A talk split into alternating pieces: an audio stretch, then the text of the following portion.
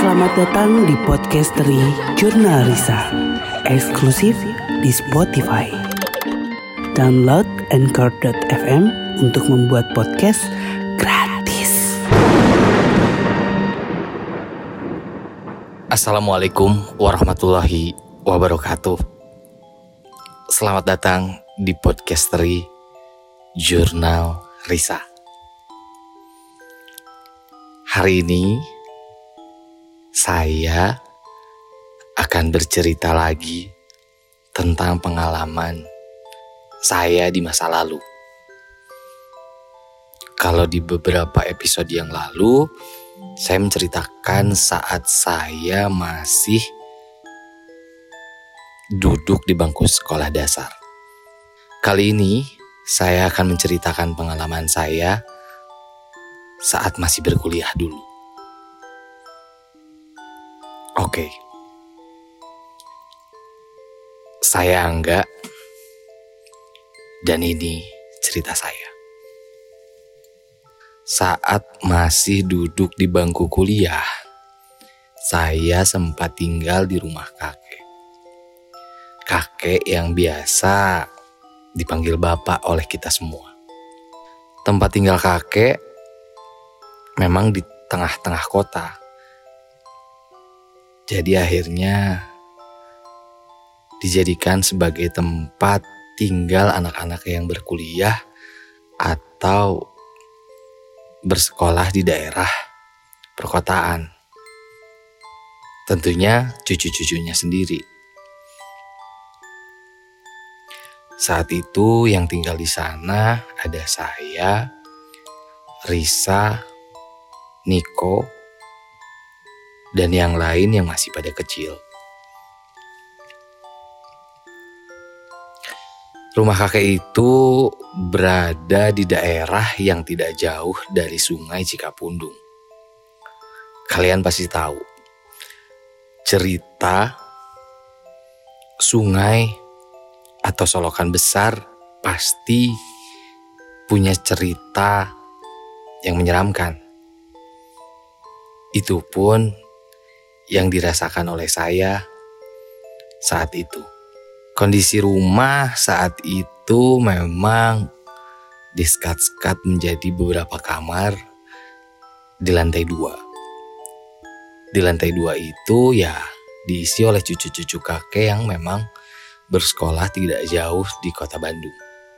Supaya jarak dari rumah ke sekolah atau ke kampus tidak terlalu jauh. Karena kebetulan saat itu orang tua saya sudah pindah di daerah Cijerah. Untuk menghemat, akhirnya saya tinggal di rumah kakek. Banyak sekali kejadian yang terjadi saat itu. Mungkin kalian pernah dengar cerita Kakang atau Iko yang terlalu nakal hingga akhirnya diperlihatkan sebuah sosok yang sangat menyeramkan. Ya, karena sosok tersebut memang tinggal di sana.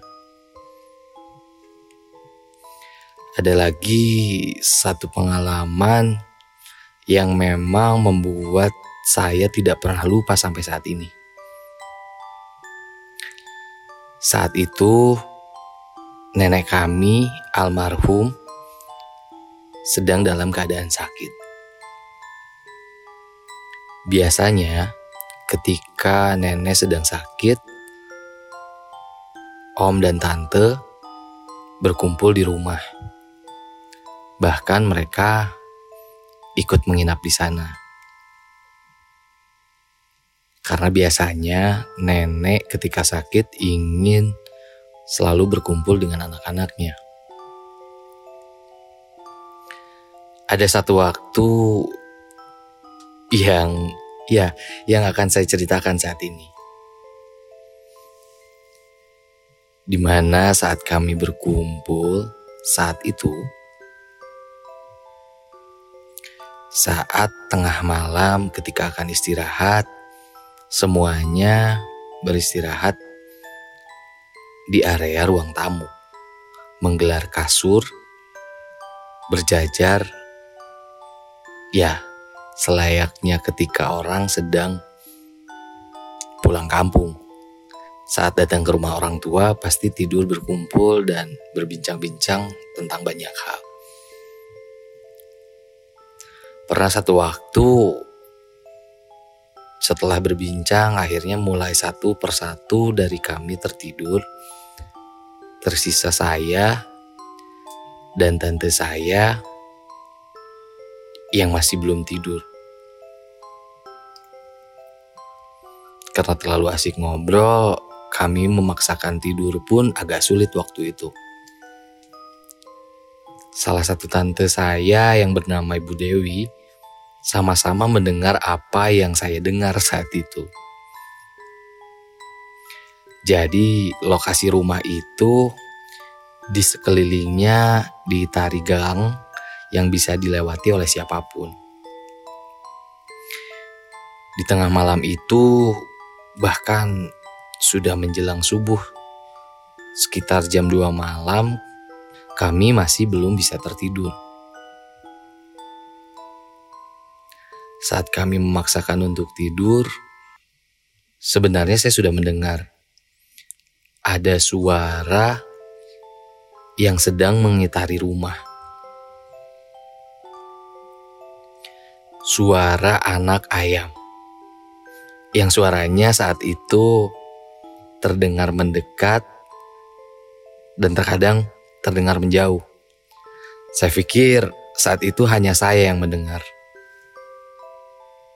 Tapi ternyata tante saya pun mendengar itu. Jarak umur kami tidak terlalu jauh. Makanya kami sudah seperti teman saat itu. Ketika mendengar suara, ya selayaknya anak ayam, kami benar-benar kaget saat itu. Tangan saya langsung memegang tangan tante saya itu. Dan saat itu tante saya pun merasakan ketakutan yang sama. Karena ternyata dia belum benar-benar pulas tidurnya. Hingga akhirnya dia pun mendengar suara-suara itu. Setelah cukup lama suara itu berjalan bolak-balik rumah, akhirnya suara itu menghilang. Karena tidak berselang lama, terdengar suara azan. Azan awal yang biasanya dikumandangkan pada jam 3 pagi. Setelah mendengar suara azan, akhirnya kami pun lega. Dan akhirnya kami tertidur. Saat itu, Keesokan harinya, apa yang kami rasakan tentu saja menjadi buah bibir di pagi itu. Kami langsung bercerita kepada bapak. Ya, kakek kami. Bapak hanya tertawa saja ketika mendengar itu. Bapak bilang, sebetulnya itu sudah tidak aneh. Karena rumah kita memang tidak jauh dari sungai. Makanya kadang tengah malam terdengar suara ada yang menangis, tertawa, ngobrol, bahkan suara-suara ayam seperti tadi. Bapak bilang kalau kamu tidak percaya, tanya saja orang yang rumahnya tinggal benar-benar di samping sungai itu. Coba tanya, dia selalu mendapatkan pengalaman yang aneh katanya. Karena penasaran, saya pun memaksakan untuk bertemu dengan orang itu. Seorang perempuan yang sudah memiliki satu anak, tapi belum terlalu tua. Yang memang tinggal di sisi sungai itu. Kalau tidak salah namanya Teh Uwe. Teh, saya benar-benar penasaran. Teteh benar sering lihat sesuatu di sini. Teh Uwe hanya tertawa saat itu. Dia bilang, emang kenapa? Tanya-tanya hal seperti itu. Iya teh, saya bilang tadi malam saya pendengar jelas suara ada anak ayam. Iya, dia bilang dengan santai. Iya, teteh juga dengar kok tadi malam. Udah biasa kok ah katanya. Maksudnya gimana teh? Biasanya di malam-malam tertentu biasanya mereka suka sengaja nongkrong daerah sini. Setelah nongkrong biasanya berkeliling di dalam gang. Hah? Memang teteh nggak takut? Ya gimana lagi? Kenapa mesti takut? Lagian saya sering kok ngelihat dia. Saya makin kaget waktu itu. Karena Teh Uwe perempuan yang seharusnya biasanya takut sepertinya sangat santai menghadapi itu. Dia bilang ya dulu awal-awal lihat sih kaget. Tapi setelah beberapa kali lihat ya sudah biasa saja katanya. ya, TWW yang tinggal di samping sungai itu sering sekali melihat kejadian yang aneh. Katanya, ketika tengah malam di malam-malam tertentu, biasanya perempuan-perempuan yang biasanya disebut kuntilanak bermain-main di tengah-tengah sungai itu. Mereka seperti sedang bercengkrama satu sama lain. Kuntilanak itu biasanya di malam-malam tertentu, mereka berkumpul dan memainkan air sambil tertawa dan seperti seorang seperti sedang berkumpul dan tertawa sambil bercerita dengan satu sama lainnya. Saya bilang Tewe ini termasuk perempuan yang cukup berani. Karena biasanya ketika orang melihat hal tersebut, ya mau tidak mau pasti lari. Dan TW bilang ya mau gimana lagi. Rumah saya di samping sungai. Kalau saya takut, saya harus pindah ke mana, A, katanya. Dan dia bilang, biasanya tidak hanya itu yang saya lihat. Ketika terang bulan, biasanya mereka ada di tempat A berdiri sekarang. Hah? Iya, di daerah sumur yang memang tepat ada di belakang rumah. Sumur umum yang digunakan warga yang belum memiliki MCK saat itu. Dan lokasi rumah TW ini ada benar-benar di samping sumur itu. Rumahnya ada di lantai atas karena di bawahnya digunakan sebagai MCK. Dia bilang ketika terang bulan, biasanya suka ada sosok yang duduk di anak tangga ini. Biasanya sosok itu hanya memainkan rambut sambil melihat bulan. Terus pakaiannya gimana teh? Penasaran dari saya. Nah itu yang aneh. Konon, terkadang dia menggunakan pakaian, terkadang dia seperti orang gila yang tidak memakai pakaian sama sekali. Teteh tidak takut. Ya, mau takut gimana, ah? Rumahnya di sini kok katanya. Jadi kalau tiba-tiba kebelet tengah malam kan saya harus turun tangga. Ya beberapa kali saya lihat saat akan turun tangga ada perempuan itu duduk di sini.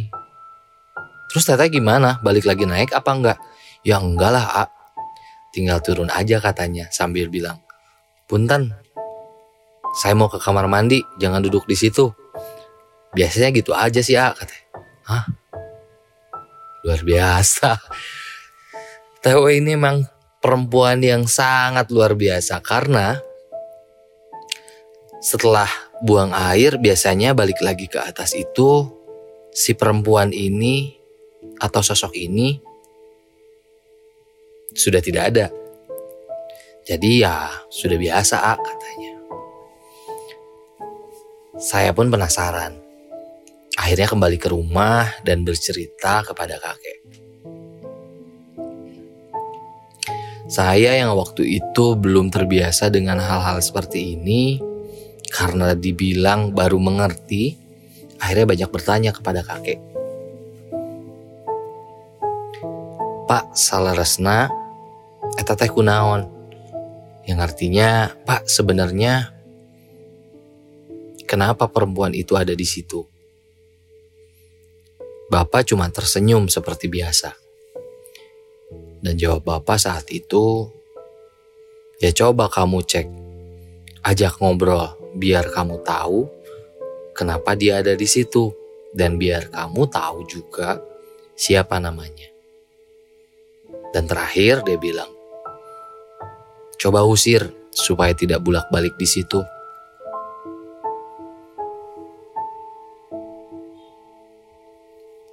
Hah? Apa iya saya bisa melakukan itu? Ya udah, Bapak temenin, katanya. Dan akhirnya saya mencoba bermediasi dan berbicara dengan sosok itu saat itu. Sosok yang sebetulnya kalian sudah pernah lihat di tayangan jurnal Risa ketika berjalan-jalan di daerah kami. Ya, dia adalah sosok si Langit. Kuntilanak yang tidak menggunakan pakaian yang biasanya selalu berbarengan dengan si Mamat. Saat itu saya yang sangat ketakutan bertemu dengan sosok itu, mencoba berbicara dan ingin tahu sebenarnya apa yang dia lakukan di saat di tempat itu. Akhirnya komunikasi saya pun berjalan. Saat bertemu, parasnya memang tidak terlalu terlihat. Hanya dia memang sudah tidak menggunakan pakaian sama sekali. Yang terdengar dari suaranya hanya seperti orang tertawa tapi ditahan. Saya benar-benar takut waktu itu. Setelah ditanya berkali-kali, dia tidak juga menjawab.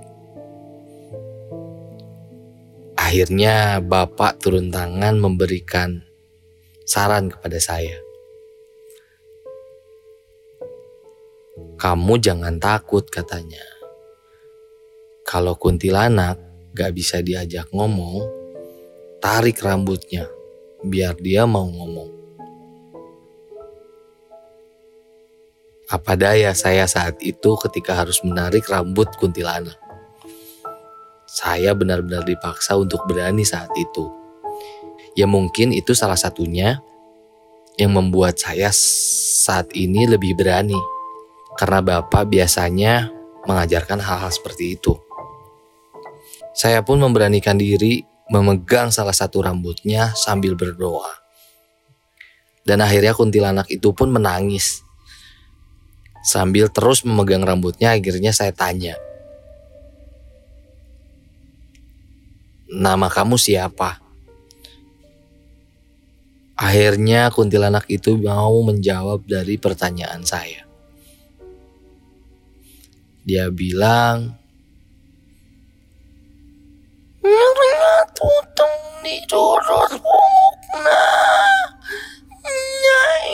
ngomong tapi lepas na bukna. Itu kata-katanya dia saat itu. Yang artinya, iya, saya mau bicara, tapi Tolong lepaskan dulu rambut saya, karena ini sangat sakit katanya. Akhirnya saya pun melepaskan rambutnya dan mulai berbicara dengannya. Dia bilang teman-temannya selalu menyebutnya si Lanyet. Ya, Lanyet dalam bahasa Sunda memiliki arti kusam kalau tidak salah kusam dan sudah layu. Karena itu yang terlihat dari wujud yang saya lihat saat itu. Lalu saya pun bertanya,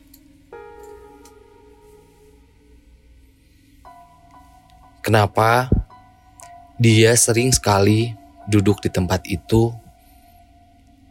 saat bulan sedang terang-terangnya?" Jawaban yang cukup unik menurut saya. Dia menjawab, Wing tema masuk.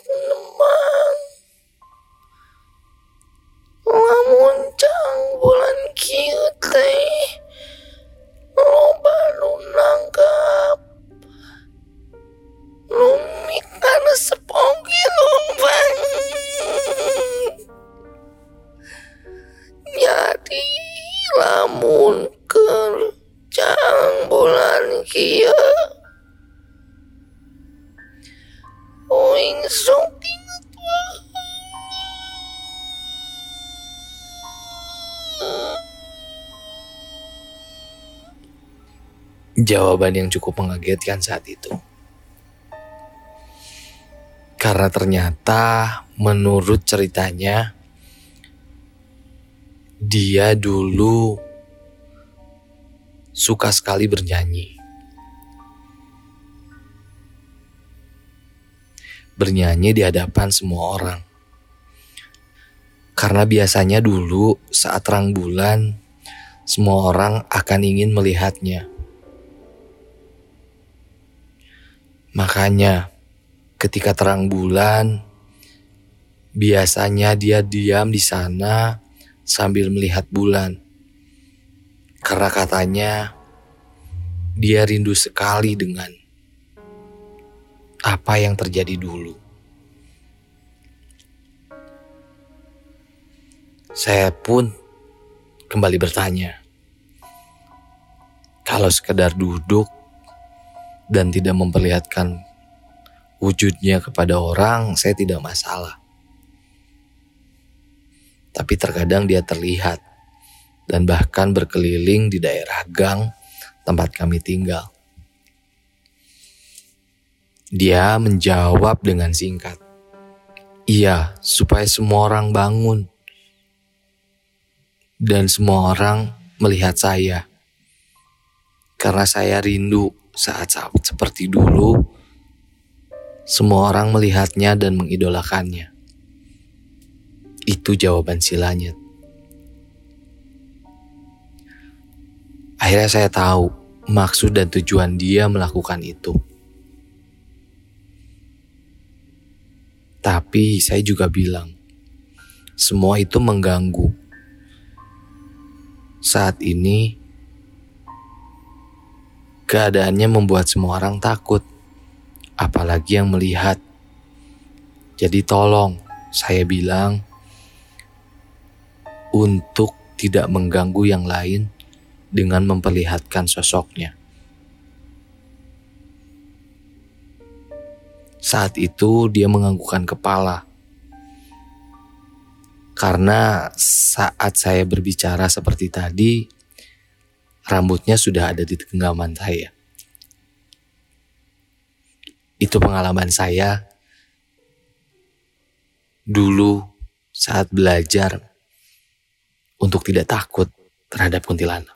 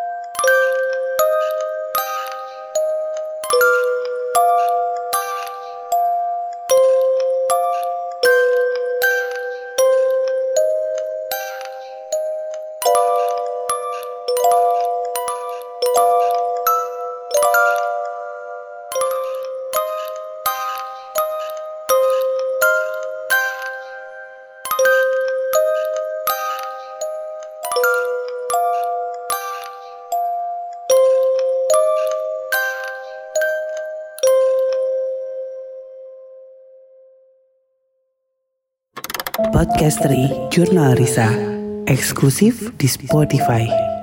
Download Anchor.fm untuk membuat podcast.